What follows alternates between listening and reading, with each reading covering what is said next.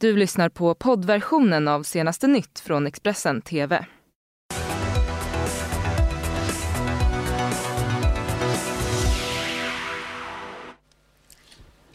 God morgon och välkommen till senaste nytt med mig Karin Bülow Det blir dags för nyheter. Minst 30 döda i fabriksbrand i Indien. Tät rök över Sydney. Vädret försvårar släckningen av skogsbränderna i Australien. Och den unge man som misstänks ha mördat Emilia i Tollarp i Skåne är tidigare dömd för flera brott. Det var våra huvudrubriker det, men vi börjar nyhetsuppdateringen med att berätta att en skottskadad kvinna hittades av en ambulans som egentligen var ute på ett annat uppdrag på Ingarö i, utanför Stockholm i natt. Kvinnan var skjuten i armen och ska ha skjutits utomhus enligt egna uppgifter. Kvinnan fördes till sjukhus och polisen arbetar nu för att få grepp om var hon ska ha eh, blivit utsatt eh, för det här brottet. Minst eh, 30 personer har alltså dött i en omfattande brand i en fabrik i Delhi i Indien. Enligt eh, Times of India har 50 personer räddats från byggnaden men många fler kan fortfarande vara instängda i branden. De flesta av offren ska ha varit arbetare som sov i lokalerna nattetid. Skogsbränderna fortsätter att härja i, eh, längs den australiensiska östkusten och den hälsovådliga röken ligger tät över bland annat Sydney. I utkanten av stan har stora områden slukats av lågorna och hundratals bränder pågår parallellt. Låg luftfuktighet, höga temperaturer och kraftiga vindar försvårar det de tusentals, eh, för de tusentals brandmän som jobbar med att försöka kontrollera bränderna och hålla dem borta från bebyggelse och städer. De stora bränderna i Australien har fått ny fart och ingen förbättring är i sikte.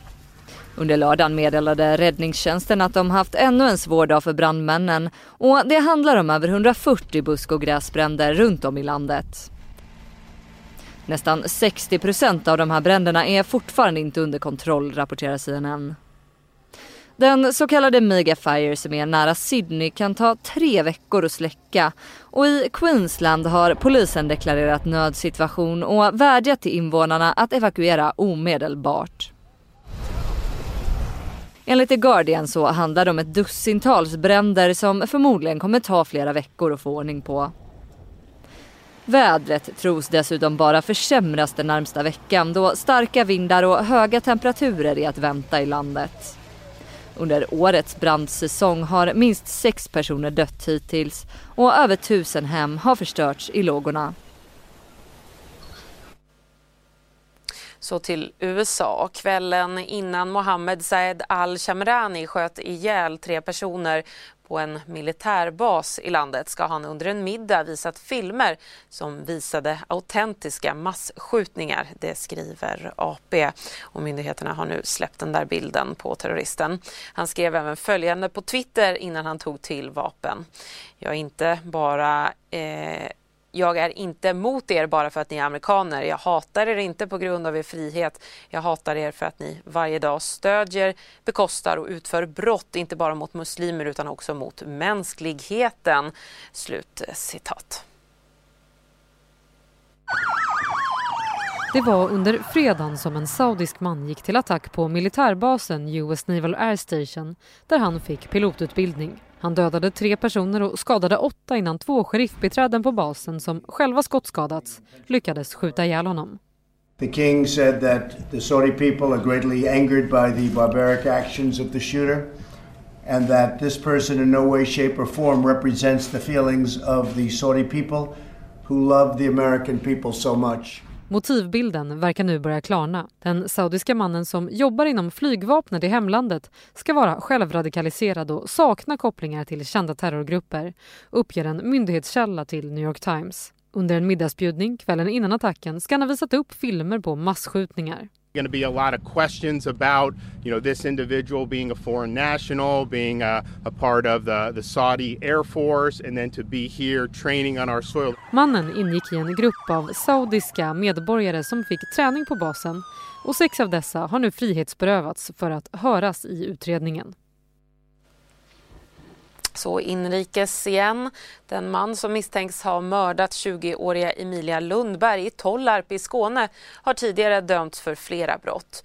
Kort innan Emilia mördades riskerade han fängelse för narkotikabrott men istället så dömdes han till skyddstillsyn och stödsamtal.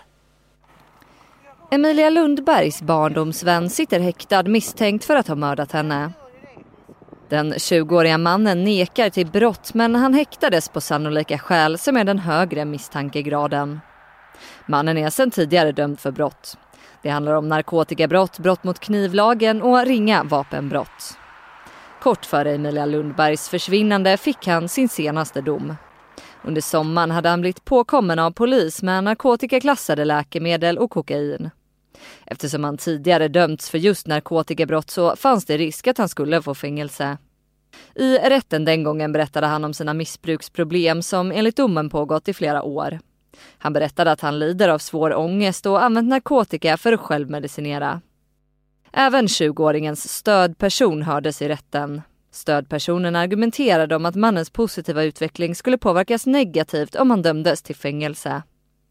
Rätten gick på den linjen och dömde mannen till skyddstillsyn och vård. Planen var att han skulle fortsätta med de stödsamtal som han redan höll på med i syfte att sluta begå brott. Den 6 december häktades mannen misstänkt för att ha mördat Emilia Lundberg. Hon anmäldes försvunnen den 26 november och hittades död i Vramsån den 3 december. Droghandeln ligger enligt polisen bakom stora delar av de, det gängkrig som pågår på öppen gata i Sverige. Expressens Federico Moreno rapporterar nu om hur den socioekonomiskt finare Bergaskolan i Malmö larmat om att deras elever använder droger. Droger som de kriminella gängen i utsatta områden krigar om att få sälja. Moreno berättar mer.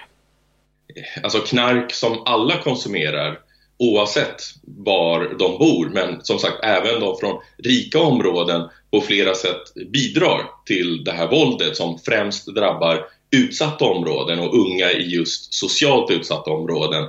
Det är, liksom, det är, det är där vi ser eh, polisens satsningar. Det är där vi ser eh, att polisen nu håller till och då är det förstås eh, intressant. Vi ser just att det, det, är barn från utsatta områden som, eh, eh som skjuts och som eh, eh strider om eh, eh, bland annat då knarkpengar.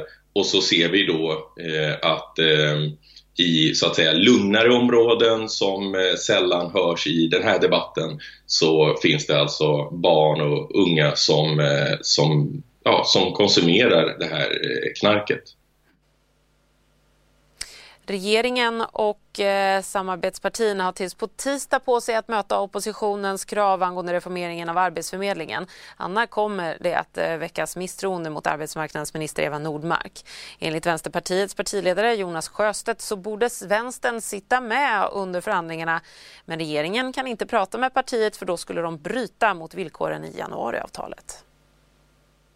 Det ser ut som om regeringen och Liberalerna och Centerpartiet håller på att backa. Samtidigt säger regeringen och Stefan Löfven att de inte vill prata med oss. Och för mig blir det fullständigt obegripligt. Så jag skulle vilja uppmana regeringen att eh, sätta sig ner med oss men även Moderaterna och Kristdemokraterna och lösa det här. Sen misstroendeförklaringen mot Eva Nordmark tidigare i veckan så har kontakter tagits mellan Socialdemokraterna och Vänsterpartiet. Alltså det har förekommit eh, kontakter, eh, om det är nu i helgen eller inte vill jag inte gå in på exakt, men, men eh, det som är viktigt är ju att man kan få eh, en, en lösning på det här. På fredagskvällen kom ett uttalande från Centerpartiets vikarierande partiledare Anders W Jonsson. Där står det att partiet är beredda att diskutera Moderaterna och Kristdemokraternas synpunkter på reformen men att det är uteslutet att förhandla med Vänsterpartiet. Stefan Löfven har tidigare kritiserat Vänsterpartiets agerande i misstroendeförklaringen mot Eva Nordmark. Men då blir det ju huvudlöst faktiskt av Vänsterpartiet att kasta ut det här i, i total osäkerhet. Det, jag tror att de behöver eh, lugna ner sig eh, lite grann. Det är ju eh, snarare så att vi har eh, stått upp för eh, kritik som har eh, funnits mot den här huvudlösa omgörningen av, av Arbetsförmedlingen. Och sist i inslaget hörde vi Vänsterpartiets Ali Esbati. Att regeringen och samarbetspartierna är beredda att samtala med högeroppositionen står dock klart. Så vad är det som kommer att hända nu? Expressens eh, Viktor Bart Kron reder ut turerna. Eh, på ytan kan det här se enkelt ut om bara regeringen väljer att tillmötesgå oppositionens krav, antingen Vänsterpartiets krav eller Moderaternas och Kristdemokraternas krav.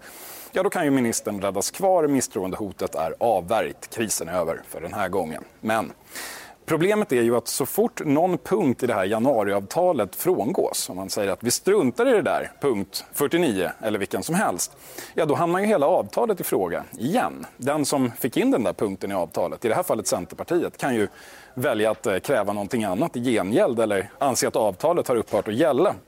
Om den här processen skulle leda till att regeringen känner sig tvingad att frångå någonting som står i januariavtalet, ja, då finns ju såklart risken, eller chansen beroende på hur man ser det, att Liberalerna kommer se att ha, här var våran chans. Avtalet har upphört att gälla, Stefan Löfven har brutit det, då gör vi det också. Och då är vi tillbaka i förra höstens kaos.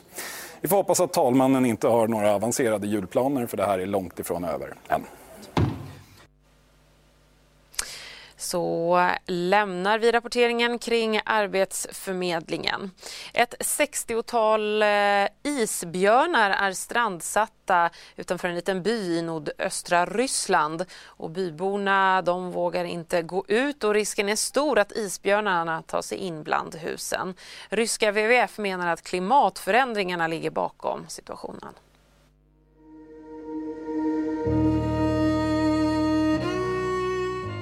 Сейчас э, больше ходят по окраине. Вот я сейчас стою на освещенном месте, а Ett 60-tal hungriga isbjörnar är strandsatta i Chukotka, Ryssland. Som en följd av den ovanligt varma vintern kan isbjörnarna inte ta sig ut på isen och jaga. Det rapporterar Världsnaturfonden i Ryssland. Isbjörnarna som just nu lever på as efter valrossar har omringat byn. Barn får åka buss till skolan och byborna ställer in planerade evenemang. Медведи ходят вот, вот туда, где темно, где темнота, там берег у нас. И сейчас там э, медведи раскопали очередную тушу моржа.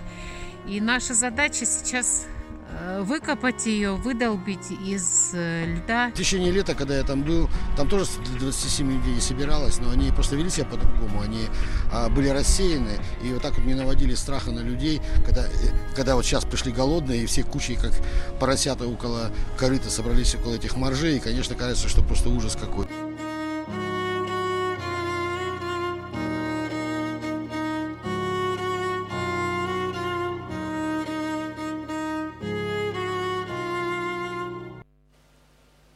Och jag är alldeles strax tillbaka med fler nyheter.